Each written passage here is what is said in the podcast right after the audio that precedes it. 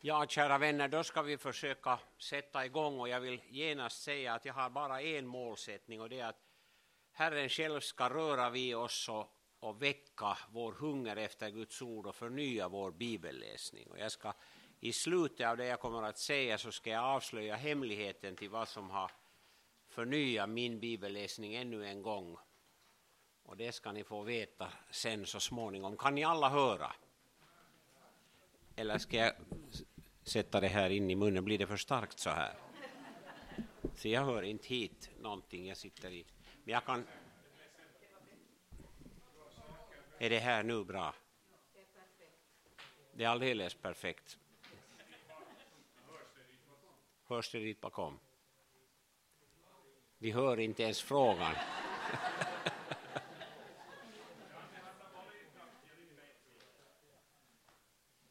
Du kan vrida på knappen sen om det behövs. Va? Okej, jag, jag kan säga också det att jag hade bett min vän Leif Nummela komma med, eller fråga arrangörerna om vi skulle ta honom med, så sa han nej, att vi har inte så många stora auditorier. Och då tänkte jag att det är nog alldeles onödigt, för att bibelläsningen är inte nödvändigtvis ett ämne som, som engagerar så många som det borde engagera. Och så har vi ju fantastiska seminarier här, så att jag är mycket förvånad över att, beklagar att så här många kanske går besvikna bort, men, men jag har bett att Herren ska välsigna och det, det är i alla fall det som är det viktigaste. Nu ska vi tala om, om bibelläsningen, den livsviktiga bibelläsningen under ämnet Öppna boken. Det, jag såg en bild som, som är ganska talande, som, där det står så där att en bibel som faller sönder hör sannolikt till någon som inte håller på att falla sönder, gå sönder. Och det talar ju om detta att, det är Spurgeon som har sagt det, och det berättar ju om att Bibeln ger välsignelse både till kropp, själ och ande. Det finns en härlig bibeltext i, i Ordspråksboken 3. Många tror att Ordspråksboken bara handlar om aforismer och korta satser och så här. Men det som man skulle läsa ur evangelierna, så läs där de tio första verserna. Det brukar jag läsa vid ohälsa och, och andra problem, både egen och andras ohälsa. Välkomna alla. Och därför tänkte jag börja med några citat om Bibeln. Jag tror att Bibeln är den bästa gåva som Gud någonsin har gett människorna. Alla gåvor från världens frälsare har förmedlats till oss genom denna bok. Allt det människan behöver innehåller den. Vem har sagt detta? Abraham Lincoln, som var president mellan 1861 och 65. Och vi har också ett annat som är lite en svag bild. Jag hoppas ni kan läsa. Där står så här, jag uppmanar alla som under denna allvarstid tjänar fosterlandet att läsa denna bok. Ur Bibeln har våra förfäder i århundraden hämtat liv, kraft och tröst, såväl i trångmål och nödstider som under fredens dagar. I denna tid behöver vårt folk Guds ords på nyttförande kraft. Låt oss med, de, med ödmjuka hjärtan tillägna oss dess välsignelser. Rättfärdighet upphöjer ett folk, men synd är folkens vanära. Kyösti Kallio. Republikens president från 37 till 40. Och det var ju denna president som som föll död ner i Mannerheims armar på järnvägsstation på väg till Nivala, där han också är begravad. Och min mor berättade att hon var med i fackeltåget som studenterna ställde upp för och tackade honom och, och hade sådana spaljer fram till stationen. Och, och där på stationen när han skulle stiga på tåget sen eller före så, så, så var hans liv slut. Hans fru var ju en varm kristen och en pingstpastor som nu har gått över gränsen till, till Herren så, så skriver i sin bok om att han blev David Klemets, blev, blev, eh, en gång så ringde det på dörren och där stod en vänlig dam, han sa att han kunde inte placera henne genast och han sa att, att hon heter fru Kalli att hon vill tacka för, för arbete bland barn och söndagsskola och så här och, och han ville också tacka. Så visade det sig att det var presidentskan som besökte och tackade och så sa han att, att varje vecka hade de bönemöten och ibland fick de åka med presidentens bil till slottet där de, där de samlades i förbön. Det var sådana tider då att, att det här var relevant och jag tänker när vi hörde i dagens bibelstudium också Håkan tala att, att var är vi nu i förhållande till den här verkligheten. Bibeln påverkar oss alla, det är en outtömlig, det ska vara ett, en bokstav borta, källa och har ett innehåll som aldrig tar slut. Den här den är i alla avseenden den viktigaste bok som någonsin skrivits. Jag läser Bibeln varje dag och jag har med mig den överallt. Jag tycker att man ska läsa Bibeln för, den, för att den påverkar en och för att det är en bok som på ett speciellt sätt kommer till en. Göran Skytte, som förresten har skrivit en väldigt intressant bok, en predikointervju med Bo Brander, som ni verkligen kan ha stor, stor glädje av. Han har skrivit förstås den här boken också, Omvänd. Nå, vem är det där? Det är inte Bach och inte Mårten, nej. Det, det är Jean-Jacques Rousseau, en av våra största filosofer kan man säga i väst, som säger så här. Jag vill bekänna att skrifternas majestät fyller mig med beundran. Liksom evangeliets renhet har gjort intryck på mitt hjärta. Gå igenom våra filosofers verk med allt deras pompösa uttryckssätt, hur medelmåttigt, hur uselt är det icke i jämförelse med skriften. Kan väl en bok som är på samma gång så upphöjt majestätisk och så enkel vara människoverk? Vi hörde ju lite om det idag också och vet att, alltså att vetenskapen som begrepp så har egentligen kristna rötter. Och egentligen utan tro på en Gud som är sanning så har man svårt att studera om allt är random, om allt är slump. Så hur kan man veta ens att ens iakttagelser av verkligheten är riktig?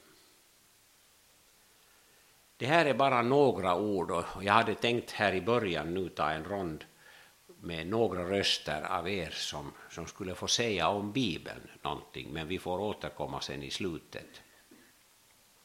Och då är frågan, hur är det idag med bibelläsning?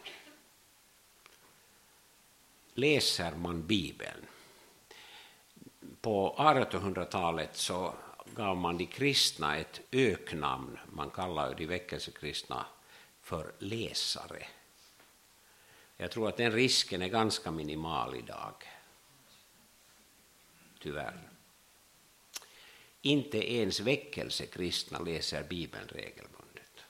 Det har undersökningar inom vår kyrka gjorts och Dels finns det alltså Kyrkans forskningscentral som har publicerat det här, bland annat Kati Niemelä, Tervo Niemelä som bor i Ilmajoki men jobbar som TF-professor nu och också Risto Leppänen som är kyrkoherde i Åbotrakten och som har varit ärkebiskop Kari Mäkinens personliga sekreterare. Hans fru är nu eh, sekreterare där gammal estadianer båda två. Men han gjorde en intervju och konstaterade när han intervjuade olika kristna ledare också för väckelserörelser att bibelläsningen står det väldigt illa till med.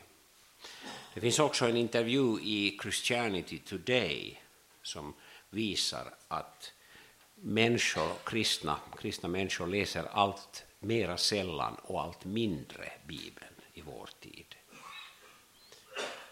Det finns olika andaktsböcker, olika berättelser, videor och sångtexter, körsnuttar och annat som folk lever på. Det var en nyligen som sa om en predikant, en god predikant som jag har hört många gånger, att jag har märkt att vilken text han än har så är predikan densamma. Och det ena är ju alltså frågan att öppnar jag boken, det andra är att låter jag den boken tala till mig. Jag kommer ihåg att jag under de så kallade praktiska övningar under studietiden så hade jag en kyrkoherde från Karkkila som sa att, att vilken nåd att vi har ett perikopsystem inom de kristna kyrkorna. Det har ju inte alla och det, det finns kompletterande behov. Men han sa att varje präst måste predika över den barmhärtiga samariten och allenast ett är nödvändigt följande söndag. Och det gör ju att skulle jag få sitta och välja mina favorittankar, det kan det ändå vara en viss risk. Men, men, men ännu större skulle det vara om jag skulle få välja text och innehåll och ta fram precis det, bara det som jag alltid vill säga. Nu tvingas jag så att säga konfronteras med texter som är svårare. Bibeln har haft en enorm betydelse i världen också i våra nordiska länder. Och jag säger har haft. För jag läste nyligen en rapport för någon månad sedan från Sverige där en sa så här att unga människor läser mycket litet om ens alls, om alls Bibeln. Alltså att det finns kristna människor som enbart lever på kristna sånger, på förkunnelse, och det är inte fyskam det heller. Men som sagt, den här linken mellan bibelläsning och en kristen tro så är livsviktig. Bibeln har också helt genomsyrat vårt svenska språk och det vet inte många. Och det ska vi strax se på, men före det. Vad är det som hindrar bibelläsningen? Jag läste en ganska intressant utredning.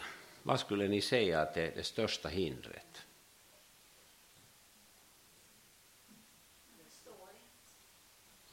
Ja, det är säkert ett. Ja. Har så mycket annat att göra. Men konkret?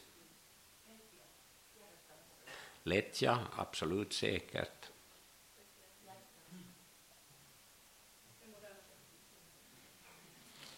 TVn. Och det är många som säger att de har räknat ut i USA att TVn är på 7 timmar och 40 minuter per dag i amerikanska hem. Vilket innebär i medeltal fyra timmar per TV per dag TV-tittande för att en del låter TVn vara på och går sen bort och lite olika familjemedlemmar kan se lite olika skeden. Men så säger de så här att det här betyder alltså 61 dygn om man packar ihop det per år. Alltså två månader i ett streck varje år. Och när ett barn fyller 18 år så har de sett 200 000 våldsscener inklusive 16 000 mord. I det som kommer, alltså i filmer, i dokumentärer och så vidare. Och så vidare. Och en genomsnittsamerikan har vid fyllda 65 år sett nio och ett halvt år på TV, alltså man packar ihop det till en kontinuerlig tittartid. Det är ganska mycket. Sen har vi några exempel på, som jag går rätt snabbt igenom, som vi ser som är bibelord som har genomsyrat vårt svenska språk. Och vi har nu en, en liten kristid när vi har nya översättningar som gör att man inte alltid känner igen de bibelord som de bygger på. Vi har att samla glödande kol, vi har att gräva grop för andra, inget nytt under solen, vi har ramaskri, förödelsens styggelse, en droppe i havet och så vidare. Vi har, vi har eh, två sina händer, vi har detta med syndabock, scapegoat, det är ju ett bibliskt begrepp. Högmod går före fall. Vi har en mängd av det här och den som vill kan få kopia av det här efteråt. Så, det vill säga, ni får kopsa det som, som en fil, men eller så kan jag sända om ni skickar åt mig en begäran. Så behöver ni inte skriva upp alla detaljer. som agnar för vinden. Förbjuden frukt att göra livet surt för någon att arbeta i sitt anletes svett, att lägga orden i munnen, ha sitt på det torra. Se genom fingrarna, kreti och pleti, inte kröka ett hår på någons huvud, fara all världens väg. Massor, massor, massor av ord och uttryck finns i Bibeln. Men nu kommer då frågan varför läsa Bibeln? Och vad säger Bibeln, vad är dess mening? Och hur läsa Bibeln, hur ska man läsa Bibeln? Det finns olika slag av hjälpmedel som jag kommer in på igen, men för att säga det kort, vi har bibelprogram och det finns både gratisprogram där man har bibeltexter man kan läsa om man inte läser Bibelns grundspråk, grekiska, hebreiska och lite arameiska, så kan man ju läsa på tyska, engelska, franska, spanska, italienska som väldigt många unga människor till exempel kan i vår tid. Finska.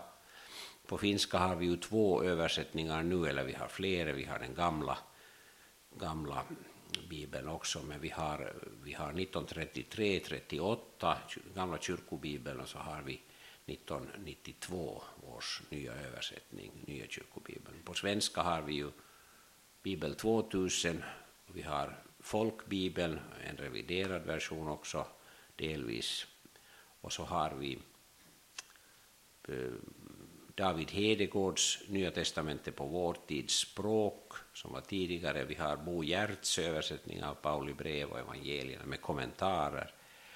Och vi har vissa andra också. Vi har alltså väldigt många olika översättningar att titta på för att få en vers, en text upplöst och, och det vill säga lösa upp dess betydelse, inte, inte dess innehåll.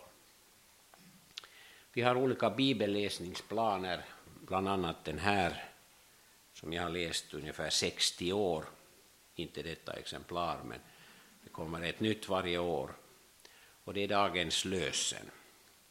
Därför att jag har märkt att dels så har jag fått det hemifrån och från mina morföräldrar, men dels har det också varit så att, att man kan ibland fastna i detta, vad ska jag läsa? Och så börjar man lite, ja, kanske så tar man nästa och så hoppar man av. Och här är en portion, två bibelspråk varje dag och två texter, den ena fortlöpande. Och den läses av många miljoner kristna. Den har ju sin, eh, sina rötter i, i greve Nikolaus Ludwig von Zinzendorf, alltså hernhutismen, men den, den ges ut i Finland på finska av Karjalan evankelien seura. Jag vet inte om det gör något annat än ger ut päiväntunnussarna. Och sen ges den ut i Sverige av Brödrasamfundet och det finns, det finns också en version för teologer och andra intresserade på, på, på hebreiska och grekiska. Och så finns det en liten så här slysel under så att man ser ett verb och så står det vilken form och dess grundbetydelse. Så man kan läsa dagens lösen för att hålla sin hebreiska och grekiska vid liv. Det finns Bibeln idag och det är ju en bibelbok som är Scripture Unions som finns på finska och svenska och många andra språk och så på engelska förstås. Den kommer som en prenumerationsbok hem och där läser man en bibeltext och så får man frågor som man ska svara på. Och där är alltså också färdigtuggad. Den är kanske lite mer avancerad på det sättet att den kräver ett engagemang. Och vi kan sen höra på, på exempel. Men jag tror att varje kristen behöver ett enkelt program. Jag tror att varje kristen också behöver ett kompletterande program som ger mig Bibeln i sammanhang, till exempel så att jag läser den här bibelläsningsplanen som vi hörde om redan och som finns i studiebibeln här bak i bibeln. Det finns många olika program som talar om hur jag ska läsa bibeln. Jag kan läsa den eh, Gamla testamentet en gång och Nya testamentet två gånger varje år och så vidare. Det finns väldigt många och det är väldigt bra att läsa Bibeln i sitt sammanhang. Det finns dagliga måltider och så finns det studium av Bibeln minst en gång eller kanske flera gånger per vecka i en bibelgrupp tillsammans, man och hustru eller familj eller syskon eller kompisar, arbetskamrater, vad du har. Eller att du själv läser Bibeln lite mera och det kan vi återkomma till. Men jag tror att, att det ska vara någonting som är så enkelt att vi inte snubblar i formen eller systemet utan att vi får en portion, ungefär som, som det är väldigt skönt om, man, om någon annan tänker vad man ska äta varje dag, att man inte behöver grubbla på, på vad ska vi nu, fast man kan delta i grubblande, men, men det är min fru som har större gåvor när det gäller att, att färdigställa den. Men i alla fall så, så det är en portion som ges. Och jag kan berätta att för mig har alla stora avgöranden kommit genom en bekräftelse också i dagens lös. Jag hade ett konfirmationsord som har följt mig i alla vägskäl i mitt liv. Och första dagen jag var i fakulteten, när jag började studierna, gick dit första gången och öppnade dagens lösen så fanns detta ord i dagens lösen. Och första gudstjänsten jag höll så läste den som var liturg i gudstjänsten, jag medverkade då med, med andra uppgifter, predikan var det visst eller någonting, så kom det ordet. Och flera gånger, andra gånger, kom jag ihåg en gång när jag hade kommit från, från församlingarnas holme, Lekholmen utanför Helsingfors, och, och det var under, jag tror det var året före jag skrev studenten, och så var jag inne i Helsingfors och, och hade ett ärende och så skulle jag fara ut igen och jag var väldigt tveksam om jag skulle fara. Jag hade fått fin kontakt med vissa konfirmander där och, och, och jag var sån här holmledare men det, den perioden hade egentligen tagit slut men jag hade ändå varit där en tid efter det. Och så undrade jag vad jag skulle göra och så tänkte jag att gode Gud ger mig ett ord som säger vad jag ska göra.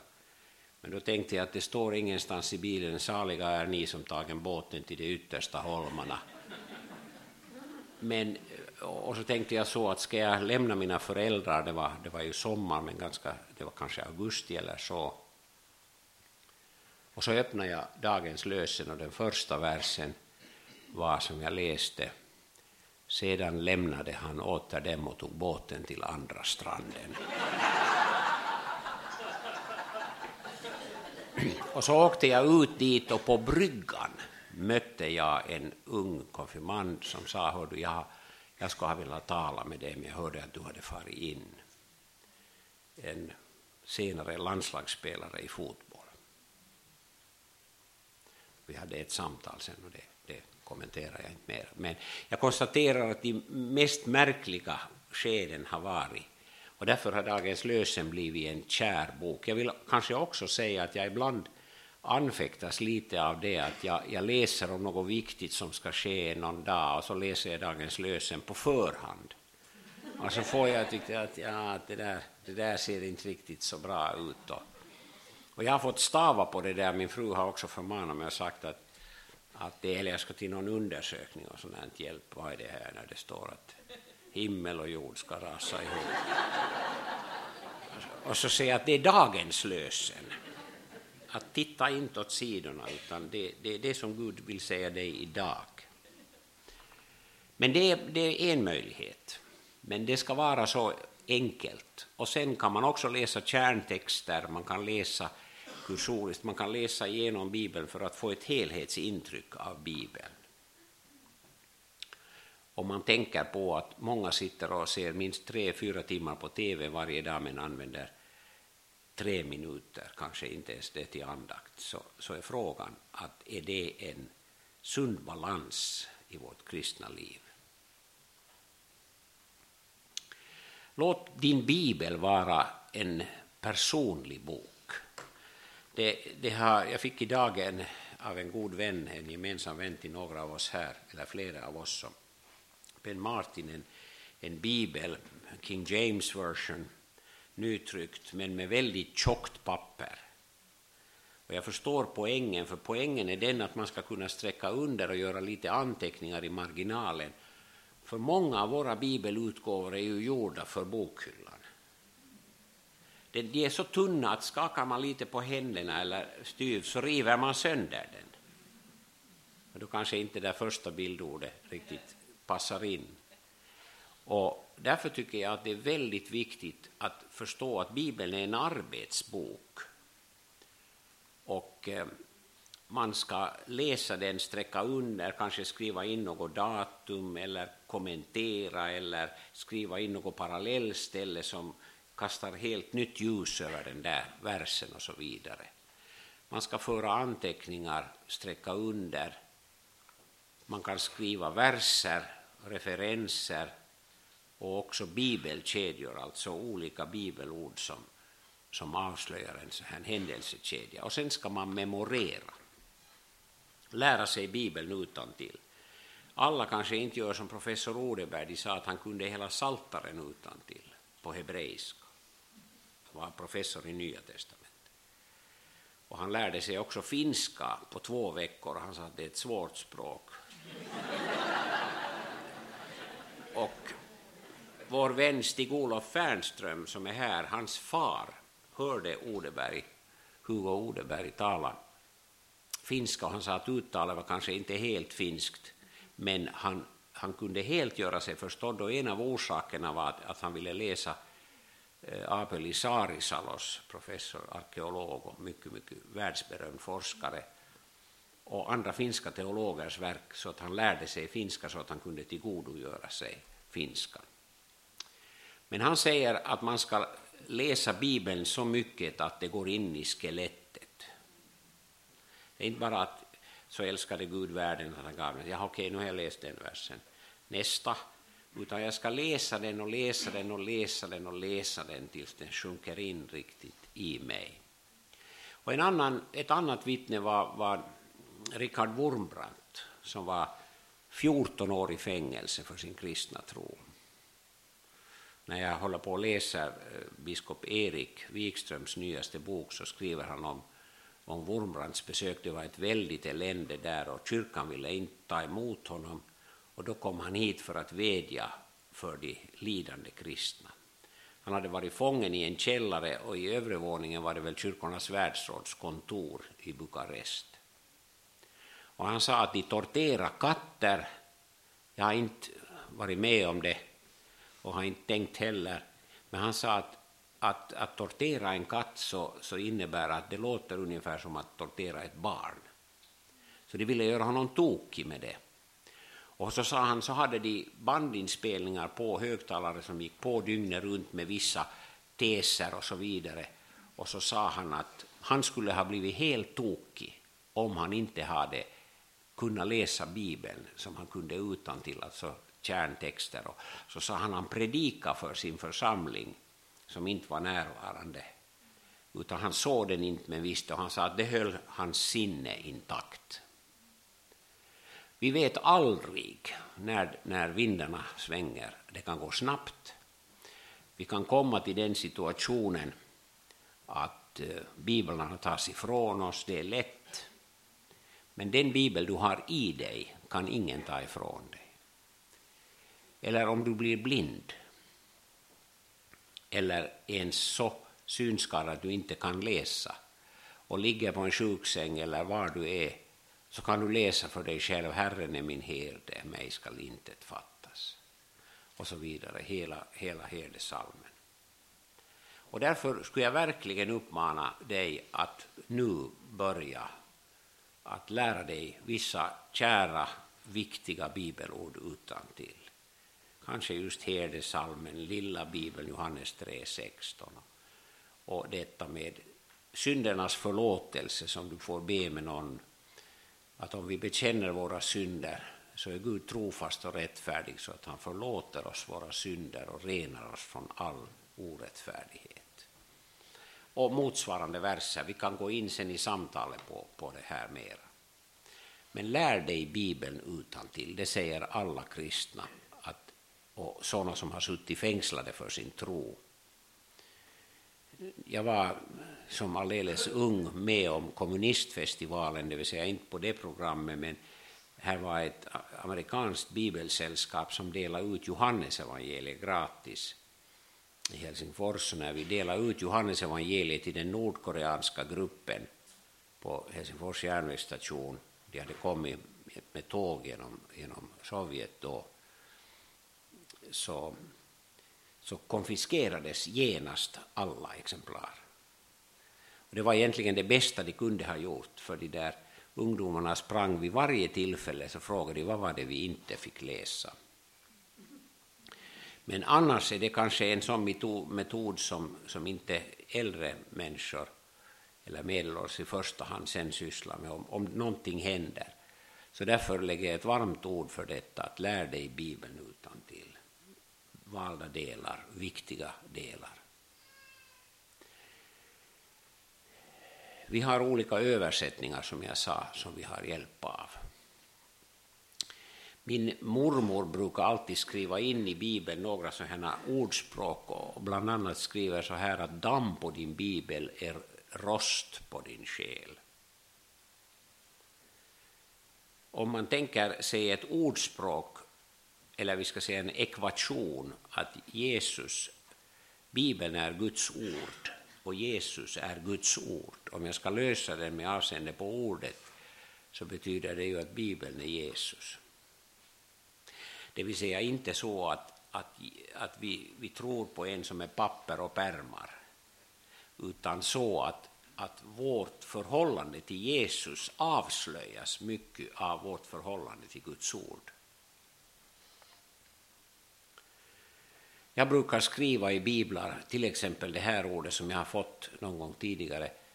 Herren är verkligen på denna plats och jag visste det inte. Det är ett väldigt bra bibelläsningsord eller ord att skriva in i sin bibel.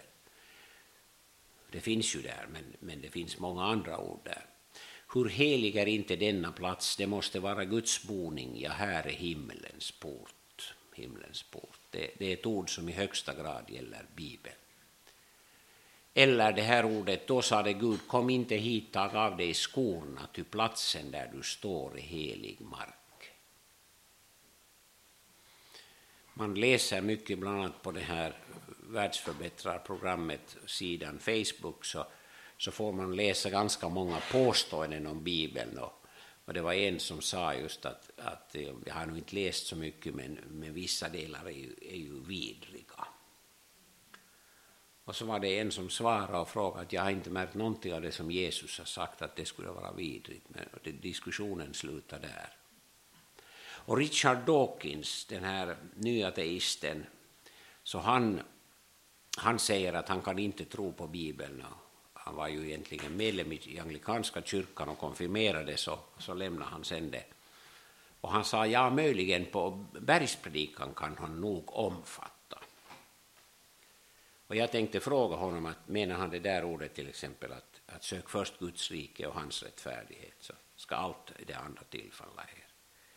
Eller menar han att när han talar om att ni är världens ljus och, och salta. Det finns så många ord vilket visar att han inte alls har läst bergspredikan utan han talar om bergspredikan ungefär som Gandhis vet du, att vägen heter icke våld och, och leva och låta leva och, och liksom en sån här menlös Jesus som säger några aforism vartannat år och, och inte gör någon människa så mycket illa.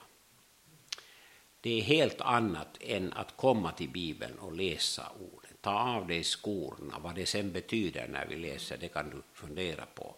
Helig mark, eld. Var inte våra hjärtan brinnande när han talade med oss på vägen och, och öppnade, som det står, skrifterna för oss. Det här är en annan av min mormors verser som jag tycker att är väldigt fin. Den är gammal, det är lite Topelius över det där. Jag vet inte vem som egentligen har skrivit det, men har du en bibel och är den dig kär, en källa med levande vatten den är. Drick ofta, drick djupt ur den levande källan, du törstar till döds om du dricker för sällan. Det där är någonting som säger mycket om vår bibelläsning. Det är någon som har sagt väldigt träffande om bibelläsningen, man äter sig hungrig och svälter sig mätt. Och jag tycker att det är otroligt visa ord. För ju mer man läser Bibeln, desto hungrigare blir man, desto mera vill man ha. Och om man inte alls läser den så känner man sig mätt och nöjd. Det är ungefär som den som håller på att frysa ihjäl en kall vinterdag eller natt fryser till slut inte utan har det behagligt och skönt och vill sova till sin undergång. Jesus säger, om ni förblir i mitt ord är ni verkligen mina lärjungar. Ni ska förstå sanningen och sanningen ska göra er fria. Vi har det här ordet, ditt ord är mina fötters lykta och ett ljus på min stig. Jag tycker mer om ordet lykta än lampa som, som den nya översättningen använder. Den som är av Gud lyssnar till Guds ord, men ni lyssnar inte därför att ni inte är av Gud. Jag tyckte förr att det där ordet är lite liksom upp och nervänt. Att det skulle vara mer logiskt att säga den som är av Gud lyssnar till Guds ord, men ni är inte av Gud därför att ni inte lyssnar. Men Jesus säger inte så, utan han säger detta att ni inte lyssnar avslöjar er. För det är någon viss potentat som får er att inte höra.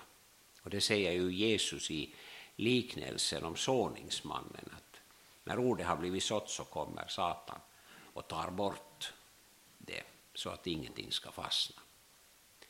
Jesus säger som det står i, i, i, också i judarnas trosbekännelse i Gamla testamentet, människan lever inte bara av bröd utan av varje ord som utgår från Guds mun.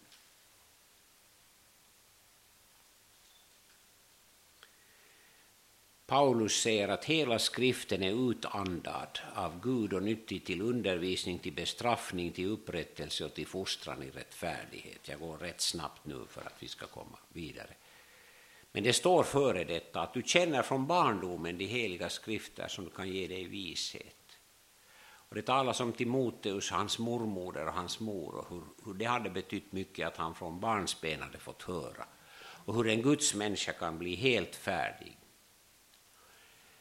Bibel 2000 översätter kanske nästan bättre här än folkbibeln. Varje bok i skriften är inspirerad av Gud och till nytta när man undervisar, vägleder och fostrar till ett rättfärdigt liv.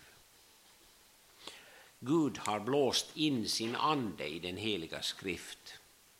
Och därför andas Bibeln, så när man läser Bibeln, vi återkommer till detta, så känner man andning. Jag kommer ihåg, jag har ju varit en del med i första hjälps och första vårds, akutvårdsarbete också. Och jag kommer ihåg de första gångerna jag var vid en livlös person. Det är inte samma som en död. Utan en livlös är en som till exempel har hjärtstillestånd och slutar andas, men som kan återupplivas eventuellt om man är snabb och vet vad man ska göra. Och jag kommer ihåg första gången när vi kom, det var två, en för mig helt okänd person. Jag menar offret var okänt, men också, också den andra hjälparen. Och, och sen när man lär sig att lägga kinden mot eller, eller handens yttre sida nära, så tyckte man jo, jo, nu, nu andas han. Men han andades inte.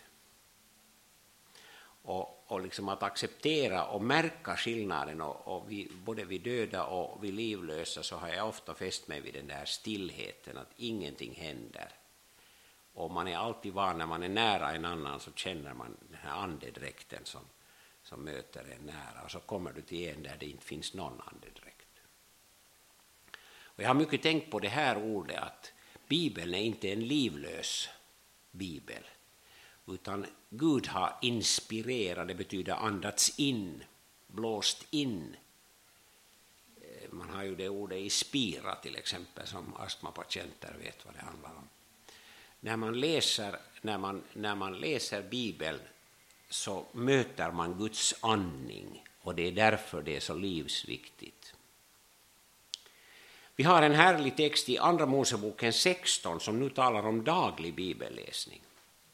Folket klagar för Mose och säger att om vi ändå hade fått dö för Herrens hand i Egypten där vi satt vid köttgrytorna och hade tillräckligt med mat att äta, men ni har fört oss hit ut i öknen för att låta hela denna skara dö av hunger. Då sade Herren till Mose, se jag ska låta det regna bröd från himlen åt er. Det är ju det ordet som Jesus anknyter till i Johannes 6, och när han säger att jag är det levande brödet som har kommit ner från himlen och allt detta. Folket ska gå ut och samla så mycket de behöver för varje dag.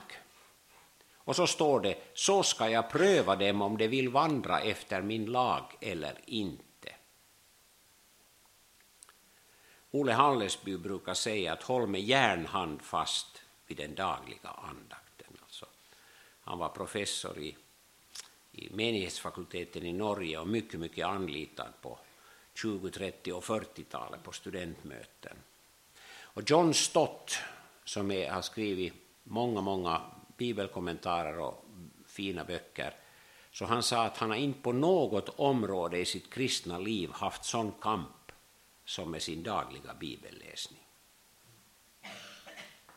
Och varför? Jo, den onde vet att får han dig bort från ordet så, så är mycket vunnet, sett ur hans synvinkel. Och i Rom 10 har vi en lång kedja som slutar att, att hur skulle de kunna tro om ingen predikade? Och så slutar det med att Paulus säger att alltså kommer tron av predikan och predikan äh, i, av Kristi ord. Egentligen står där lyssnande, usko tulee kuulemisesta. Tron kommer av att lyssna och, och Paulus säger i Galaterbrevet 3 att kom det sig där, kom det sig av laggärningar att ni undfick den helige Ande eller därav att ni lyssnade i tro. Och då förstår man att den onde vill ha bort mig från Bibeln. Det är livsfarligt för honom och hans syfte. Herren prövar om de vill vandra efter min lag eller inte. Och så säger de, så står här så här, se jag ska låta det regna bröd från himlen, folket ska gå ut och samla så mycket de behöver för varje dag. Och där står i den texten vidare sen att Israels barn gjorde så, den ene samlade mer, den andra mindre. Tror det också gäller bibelläsningen, att den som har läst länge Bibeln och i olika andliga skeden så kan vi behöva mera eller mindre.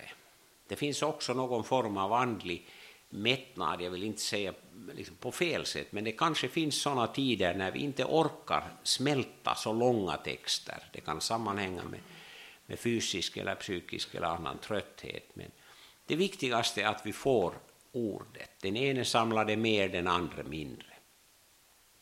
Så var det några som tänkte som jag kanske skulle ha tänkt att kan man rationalisera det här och ta en sovmorgon varannan morgon så att man inte behöver stiga upp så tidigt. Och, och, och så står det att, att ingen får lämna något kvar av det imorgon, men det lydde inte Mose, utan somliga sparade något av det till nästa morgon. Då växte det maskar i det och det luktade illa och Mose blev förargad på dem. Det samlades sedan in av mannat varje morgon, var och en så mycket han behövde till mat. Men läs berättelsen i Andra Mosebokens 16. Somliga sparade något. Du kan inte leva på gammal bibelläsning. Sen kommer en stor frågeställning som kanske också blockerar oss. Vad i Bibeln gäller mig? Det finns ett väldigt viktigt ord när det gäller Gamla testamentet som Paulus lär församlingen i Rom, som alltså består både av hedningar och av judar. Han säger att ju allt som tidigare har skrivit är skrivet till vår undervisning för att vi genom den uthållighet och tröst som skrifterna ger ska bevara vårt hopp. Tänk på sången, du, du känner den säkert, löftena kunna ej svika. Gör så som Abraham gjorde, blicka mot himlen upp med dig i ugnen het, står det i en vers, vandrar en gudason härlig, pröva det själ det vet. När jag tänker på, på hur det är så, så får jag tröst av hur det gick för, för Daniel, hur det gick för Abraham och så vidare. Alla Guds löften har i honom fått sitt ja, därför får det också genom honom sitt amen, för att Gud ska bli ärad genom oss. Det handlar alltså om, jag har hört något sånt tal, men jag har inte räknat det med att det skulle finnas mer än 33 000 löften som Kristus är garanten för. Vi har också ord i Första Korintierbrevet 10 som talar om, om en typologi, en typos. Att vi ska läsa en text och ta, ta åt oss. Även om inte vi är hotade liksom direkt, utan vi ska veta hur Gud gjorde med människor som vände honom ryggen när han hade varnat dem. Och det skedde till typikos, som det står på grekiska, till ett varnande exempel, som ett typexempel. Vi har i Gamla testamentet kultlagen, ceremoniallagen, alltså förbundet med Israel, och vi har morallagen. Ja, det, det har kommit lite dubbelt. Alltså offret så var ju förbundet med det nationella Israel och det offret slutade, avslutades i bokstavlig mening den dag när, när förlåten i templet rämnade. Och det är mycket märkligt när man studerar Gamla testamentet så ser man att samma ögonblick som Kristus, den förstfödde, förstlingen från de döda, uppstod så stod prästen i templet och viftade med förstlingskärven, den första skörden, glädjen över att livet hade segrat. Och, och man såg att liksom alla offer strålade samman i fullkomligheten. Och förlåten in till det allra heligaste rämnade. Sen har vi morallagen som är ett uttryck för vad Gud vill. Och morallagen gäller oss, till exempel de tio budorden, i den meningen att de uttrycker vad Gud vill, det som Gud älskar i Gamla testamentet hatar han inte i Nya och tvärtom. Det som Gud hatar i Gamla testamentet så älskar han inte i Nya.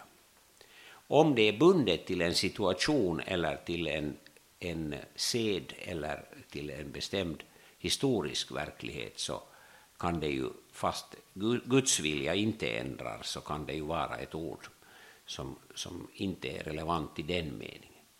Men Paulus ser att lagen har blivit en pedagog, en pedagogos, en övervakare. Egentligen, det står i gamla bibeln, en uppfostrare till Kristus.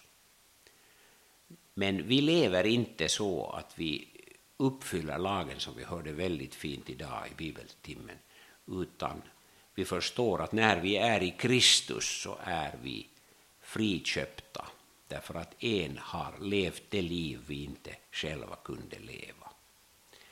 Kristus är lagens slut till rättfärdighet för var och en som tror. Det står på grekiska ordet telos, det är det första ordet där. Och det betyder finish. Det betyder inte, det har ingenting med teloitus att göra, det här, utan det betyder liksom resultatet, nu har jag kommit i mål.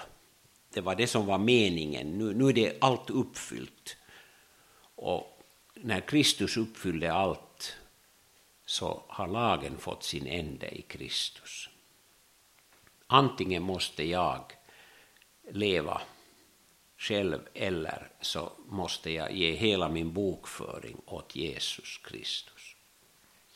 Så vill jag ännu ta upp några saker som kan orientera oss i Bibeln. Det här är en engelsk förklaring, men det, det uttrycker de bibelöversättningsprinciper som finns. Vi har en ordagrann översättning, där har vi bland annat King James och, och Revised Standard Version och English Standard Version som är mycket bra, och New King James, de där NKJV. Och sen har vi en tankeöversättning som motsvaras av de där översättningarna som vi har, National och, och så vidare. Och så har vi en parafraserad översättning, bland annat Levande Bibeln. Och om vi tänker på de svenska översättningarna så är den gamla kyrkobibeln från 1917 som åtminstone en har gillat, för det står i översättningen att översättningen är gillad och stadfäst av konungen. Men, men det, Och, och, och folkbibeln så är längst till vänster här i det här. Och eh, Bibel 2000 är mera i mitten därför att den har en så kallad dynamisk ekvivalens, att man översätter innehållet. Och Levande testamentet är parafraserande, den kommenterande översättning som vill fånga upp en idé men använda nya bilder. Jag tycker personligen att, att Levande testamentet inte ska vara ens enda bibelöversättning. Det kan vara en uppfriskande och, och, och få en att tänka vad det egentligen står, men jag tycker att det är väldigt viktigt att följa Bibelns grundspråk, alltså i översättning. Sträcka under. Jag har, brukar ha, jag ska se om jag har det med mig, jo. jag har en rödblå penna, ni vet den där som, som ser ut så där en gammal grej. Det var många, många, många år sedan jag lärde mig att, att läsa så att när jag får tröst av ett bibelord så sträcker jag under med, röst, med rött. Och ett bibelord som påminner om allvaret, om kraven, om någonting sträcker jag med blått. Och det som har varit intressant med det här är det att, att fler och fler bibelord blir gredelina. För när man kommer till ett bibelord, och det visar hur Bibeln är en levande bok, när jag kommer till ett bibelord så tänker jag att hur i all världen har jag kunnat sträcka det med rött, för det är ju ett allvarsord. Vad jag var ytlig då och tokig, så sträcker jag med blått. Eller jag kommer till ett ord som jag har sträckat med blått och så tycker jag men det är ju ett härligt löfte. Hur kan jag? Såg jag ingenting? Och så sträcker jag under det med rött. Det här är, det står inte i Bibeln om man ska använda en rödblå penna, men det är mycket intressant att se. Och det samma vet alla som läser Bibeln som jag tillsammans med en annan regelbundet. Så, så kan man ibland tycka att ja, men det är ett härligt ord. Jo, nu är det, nu är det väldigt fint. Och, och sen säger man senare, en vecka senare, ja men se vad här står. Har du märkt? Ja, men det var ju det jag sa förra veckan. Men man ser alltså hur Bibeln lever och hur Bibeln kan tala till en. Och jag har märkt att ju mer vi läser, desto mera så öppnar sig Bibeln också. Läs under bön att du ska få någonting. Studera Bibeln. Men all bibelläsning ska inte vara studium eller forskning, för att då läser du någon vecka och sen orkar du inte. Utan ha ett enkelt givet program så att du alltid får in Guds ord. På samma sätt som mat. Varje dag funderar man inte så väldigt mycket, utan man äter för att leva. Men inte lever för att äta, det är sen en annan sak. Läs Bibeln tillsammans. Till sist några synpunkter. Tre enkla steg när det gäller att studera. Jag formulerade här med Bible Study Tools kom det här är en mycket vanlig metod som, som jag tror att är enkel om man vill lite mer arbeta. Det utgår från tre grundbegrepp. Det ena, första är observation. Lägg märke till vad texten verkligen talar om.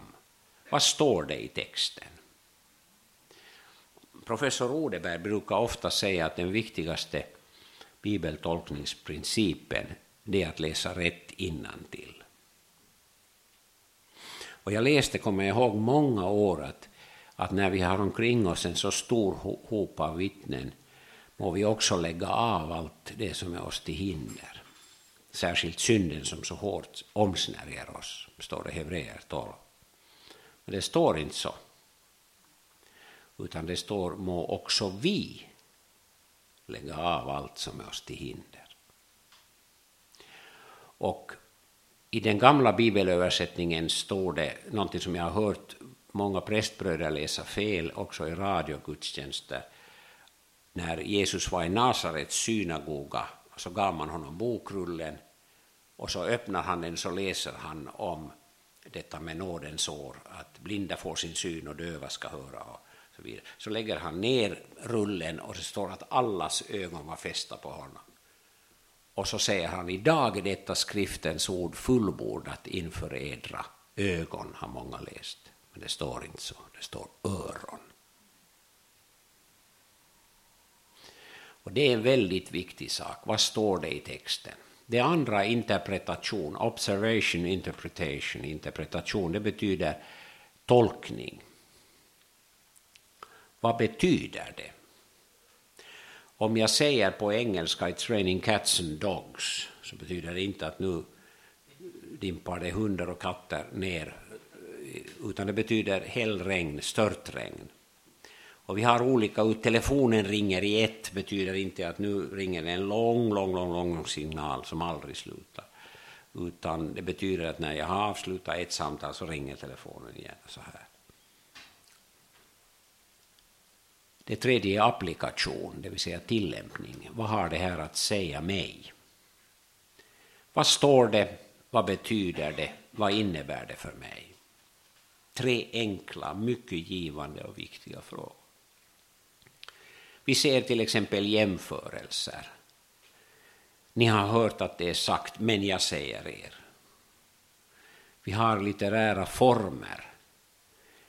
Är det poesi, historia eller lagtext? Bo Hjertz skrev en väldigt bra bok som heter Att kunna läsa sin bibel. Den, den är, jag vet inte om den finns annat än på antikvariat, men han säger att det är en väldigt stor skillnad om en byggnadskommission säger att den tunga lastbilstrafiken norr om domkyrkan har fått domkyrkan att, att kälva och vibrera. Eller om någon reciterar, Eh, vad heter det, recenserar en konsert och säger att den organisten spelar Bachs stora toccata som fick templet att själva riktigt. Och det, det är samma ord som har helt olika betydelser. Och det, det, har förvånat mig att liberalteologer ofta säger när det står till exempel, man säger att Bibelns världsbild är väldigt primitiv. Att Bibeln utgår från att, att världen är, är platt. Och, och, det är märkligt att, att man säger det till exempel för att vi har i, i universitetskalendern så står det att solen går upp idag i Helsingfors klockan 6.37, eller inte vet jag när den går. Jag har inte varit där nu idag. Men det står att den går upp i Uleåborg en annan tid. Men det är nonsens. Hur kan universitetet bevilja tryckningstillstånd för en kalender som påstår att solen går upp? Det, det stämmer inte. Och inte går den ner heller, inte ens i Kokkola. Och inte ens i Vasa som är solens stad. Men det är ett sätt, det är sagt i en bestämd avsikt, det är en praktisk formulering som uttrycker hur det ter sig för ögat. Och när vi har, vi har bibeltexter som säger sanningar men uttrycker det med poesi, och då måste vi alltid också fråga vad betyder det? Vi har också i Bibeln det som kallas, det ska vi tala en annan gång, som kallas parallellismus membrorum, som betyder tankerim.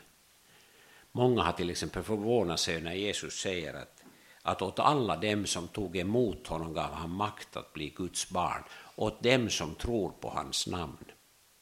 Och det är ett typiskt judiskt sätt att säga att åt alla dem som tog emot honom, det vill säga som tror på hans namn, gav han makt att bli Guds barn. Eller som Kallio skrev, det är en så kallad antitetisk parallellism, att rättfärdighet upphöjer ett folk, men synd är dess vanära. Det är att sätta motsatser som säger samma sak men förstärka budskapet och så vidare. Sen har vi en tolkning, inte bara vad Gud har sagt utan vad menar Gud? Jag hörde här en diskussion i slaget efter tolv om äktenskapet. Och jag hörde en kollega, en broder, säga att, att att Gud gav dem till pris åt skamliga lustar, att det var heterosexuella som idkade homosexuella aktiviteter. Och det är nog, det är nog nonsens. Alltså, det var utläggningen av Rom 1.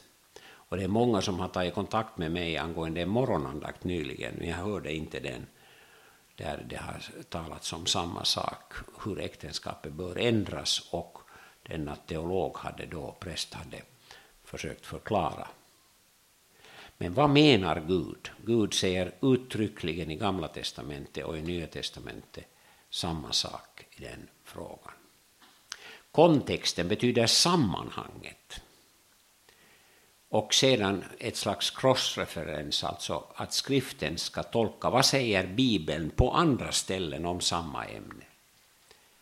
Vad betydde orden när de uttalades? Till exempel, du ska inte koka en killing i dess modersmjölk. Idag skulle vi säga stor skillnad, som våra barn sa när de var små. Men varför? Jo, därför att det var ett sätt att uttrycka avgudadyrkan när de sades. Och därför ville Gud hålla sitt folk borta från, från detta. Och sen, vilken är konklusionen av vad Gud säger?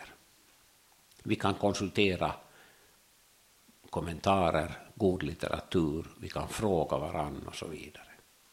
Och det sista, hur berör detta mitt gudsförhållande? Vad innebär det i mitt förhållande till medmänniskor? Vad vill Gud säga mig? Det borde ju vara så vid bibelläsningen, låt vara att mycket sker på, ett, på en nivå som inte bara alltid är att, att jag får en fråga och ett svar, och så här, utan någonting händer med mig när jag är i Guds närhet.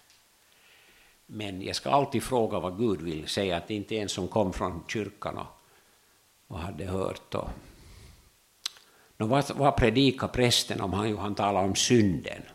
Jag undrar nog. Ja om de hade varit i kyrkan, alls, för det hör talas för lite om det. Nå, vad sa han? Nå, han var hårt emot.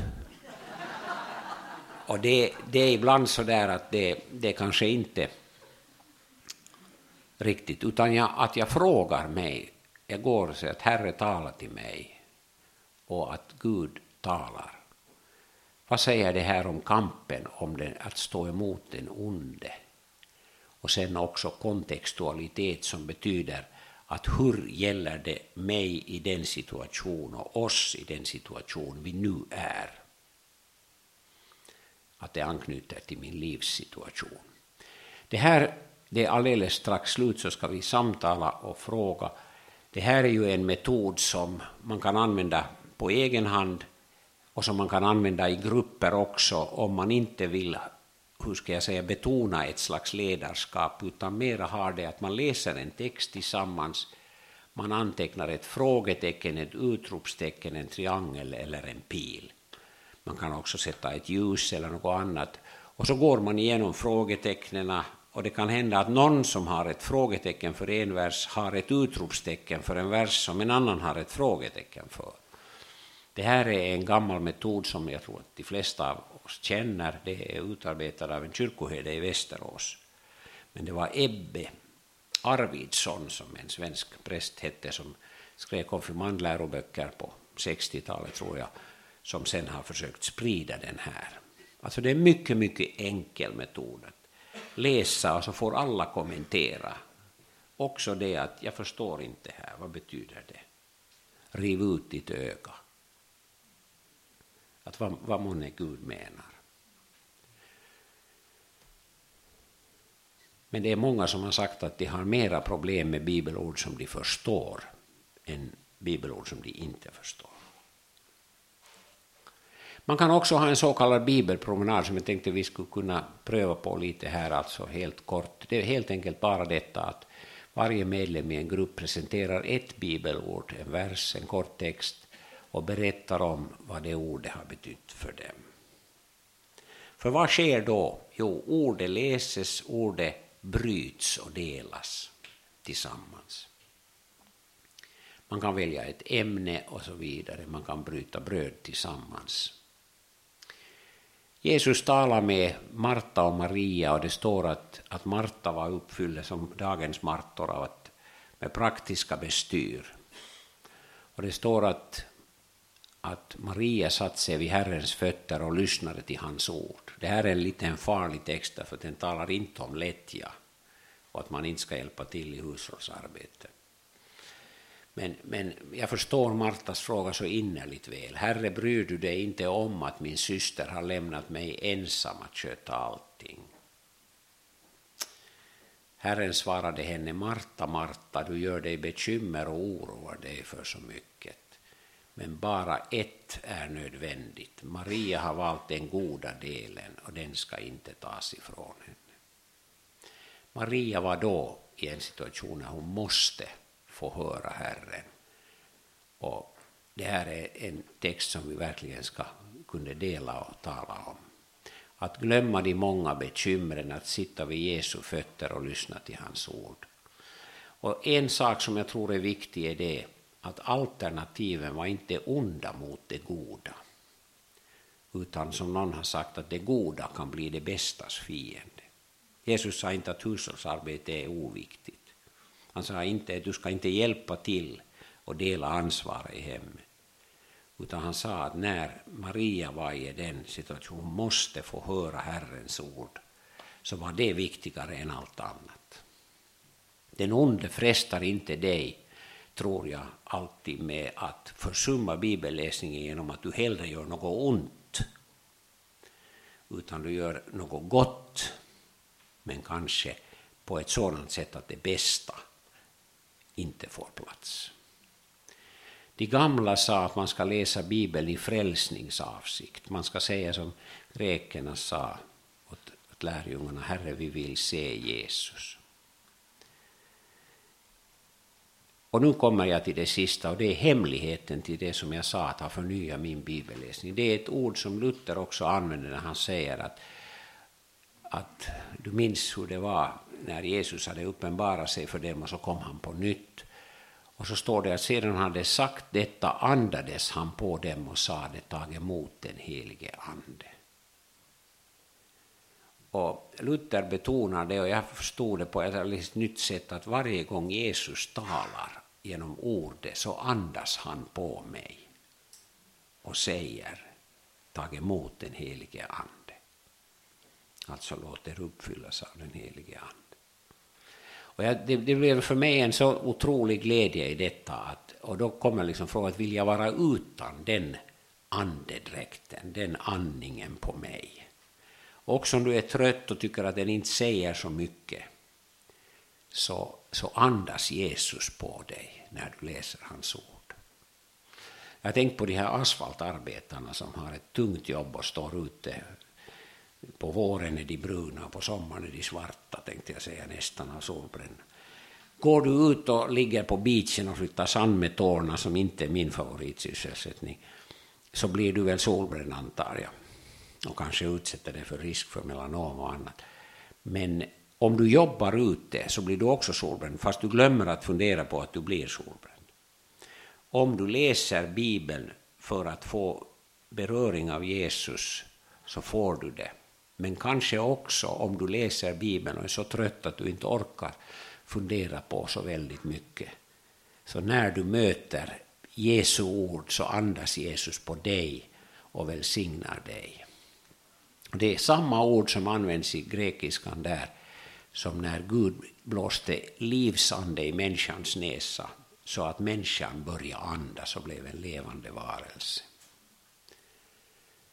Ett möte med Bibeln är ett möte med Gud. På engelska finns det en mängd olika biblar. Det finns Apologetic Bible som är mycket intressant för att den har olika artiklar. Det finns arkeologisk bibel, så när man läser en text och kommer till någon ort eller någonting så, så säger de att det här och det här har hittats då, och då som bekräftar bibeln och så vidare. Det finns studiebiblar på många språk och, och det finns många hemsidor, men jag tror att vi sätter punkt här nu så att vi hinner. Den som måste gå ut och få syre och inte bara kväve så, så kan gå ut och ta lite frisk luft. Men jag tycker att vi skulle kunna samtala och ställa frågor och kommentera. Och jag skulle också gärna vilja att några av er, för att vi skulle få denna Jesu andning, att, att kan du nämna ett bibelord som idag eller genom livet har varit viktigt för dig? Varsågod.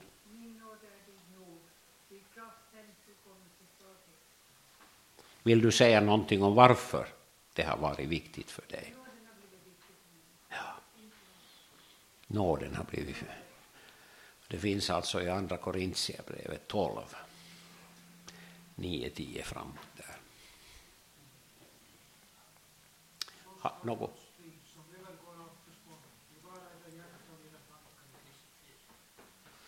Kommer du ihåg var det står? 4, 6.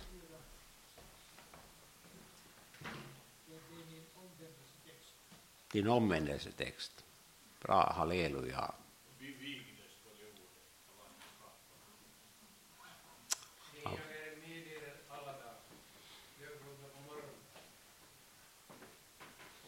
Och alla blir alla om man läser det bak eller fram som någon sa. Ja.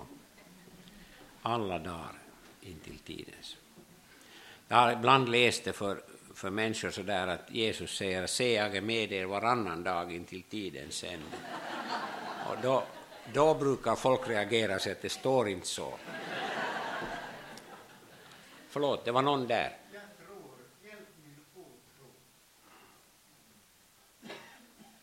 Herre. Vill du säga någonting om det? Varför du har fast...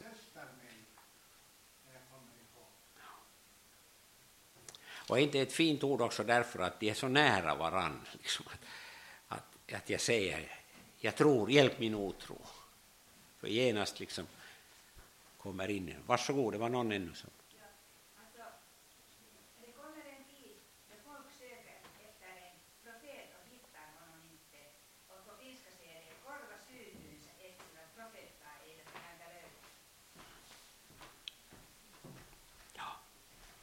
Har ni mera någonting som... Guds fruktan i förening med förnöjsamhet är en stor vinning. Ja. Nå, Varför, varför är det så viktigt? Jo, jag börjar analysera och konstatera att även om du har Guds fruktan men inte är förnöjd så är något, fattas någonting. Ja. Och om du är förnöjd, fast du skulle vara hur förnöjd, men du har, eh, har inte Guds fruktan, Mm. då saknas något. Väldigt fint. Ja, visst ger religionen god lön om man nöjer sig med det nödvändiga. Nej, man ska, man ska inte läsa det så. Men det är nog ett härligt ord. Jag tycker att man, man känner många, inte minst också äldre kristna, som, som, liksom, som utstrålar den verkligheten. Varsågod. Min frid ger jag er, mitt frid ger jag det som världen ger. Känn ingen oro och tappa inte modet.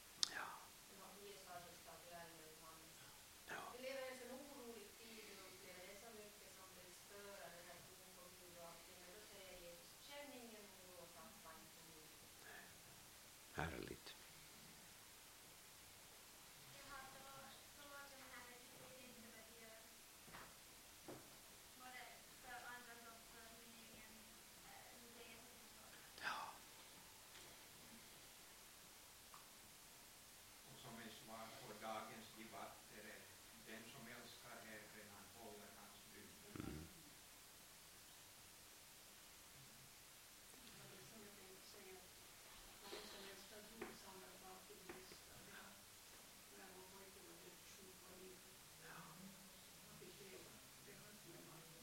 jo, vi Markus Jakobsson. Rom 8.28. Men jag tyckte det var fint idag, det som Håkan sa, att det, står inte att allt samverkar till det bästa, utan det står att för dem som älskar Gud samverkar alltid det bästa.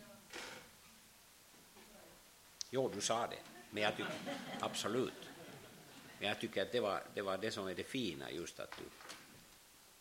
Men märker ni hur man blir varm i kläderna när ordet bryts och delas? Och det kan man göra i, i små bibelgrupper och, och dela. Det är just den välsignelse att Jesus andas på oss och, och att vi får del av den helige Ande. Så att, på ett mycket djupare plan än, än bara det att vi känner att jaha, att nu blev jag förnyad. Utan jag kanske tyckte att det var inte så mycket, eller, ja, men det ändå verkar där. Varsågod.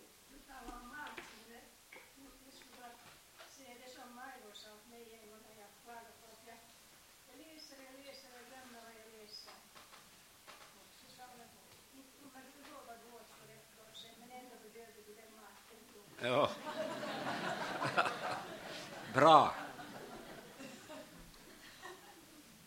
Jag hoppas alla hörde det. Inte kommer du ihåg vad du åt för ett år sedan, men ändå behövde du den maten då. Har ni, varsågod. Apropå mat så brukar jag säga att Bibeln är, är vår kokbok. Mm.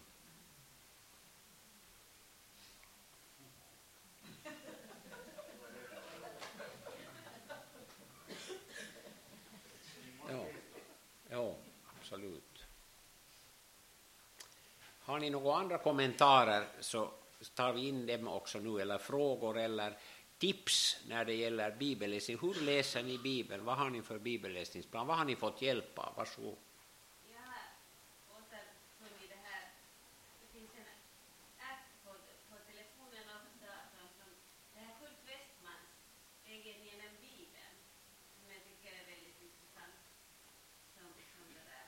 Han går igenom eh, vers för vers. Vilket ni äldre vet, vet om honom. Men det finns inte. Det, det, Norea Radio på, på, hittar man det. Den där bibelstund, är det den där tvåan där kanske? Ja. Så det är alltså just har med Bibeln idag att göra. Det finns också som app för telefoner och, och iPadar och paddor och andra. Och det finns, det finns en hel del, det finns en, en Rick Warren som har skrivit om olika bibel, han har väl tolv bibelläsningsmetoder. Det var han som ledde en debatt mellan Obama och John McCain. Och så blev han av Obama kallad sen att predika på inauguration 19, förlåt, 2008. Och eh, han har haft stora bekymmer i sitt liv. Han förlor, miste sitt barn. En son tog sitt liv som tonåring, det var 2013. Och han säger att då ordnade han en konferens Eh, för kyrkan och de, ment och de mentalt sjuka eller psykiska problem och de kristna. Han sa att han fick 10 000 brev efter det mötet. Men han har skrivit, han har en bok som ni kan gå in på där och se. Eh, det är en sån här lång som man måste nästan, eh, det, det är ganska svårt att diktera en sån där lång historia, men ni kan också gå in på Amazon eller någon av de här och skriva Rick Warren, så ser ni hans bok om att studera Bibeln. Men, men summa summarum, vi måste börja arbeta mera med detta. För gamla Adam, han vill nog inte, och Eva heller, vill inte ha Guds ord. Och aptiten, man, man äter sig hungrig och svälter sig mätt.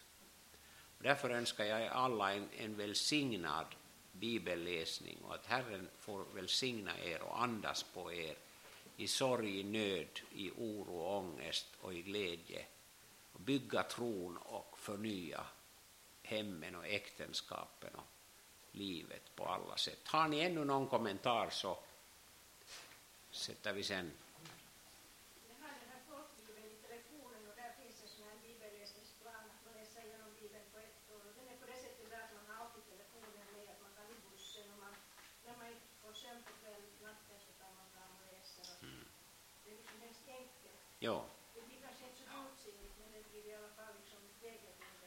Och jag har lyckats hålla det här och sen jag började läsa det. är väl samma som ja, och som finns här i studiebibeln här i slutet. Kom ihåg just det där att den ena samlade mer, den andra samlade mindre. Att du behöver inte börja med att ta modell efter någon fakir som, som läser tio kapitel per dag. Det, det klarar du nog en och två, tre dagar, men frågan är hur länge. Utan det viktigaste är att vi varje dag tar del av, av Guds heliga ord. Ändå. Var det någon som... Ja, men då sätter vi punkt här och säger amen och Gud välsigne oss alla till att leva av Guds heliga ord.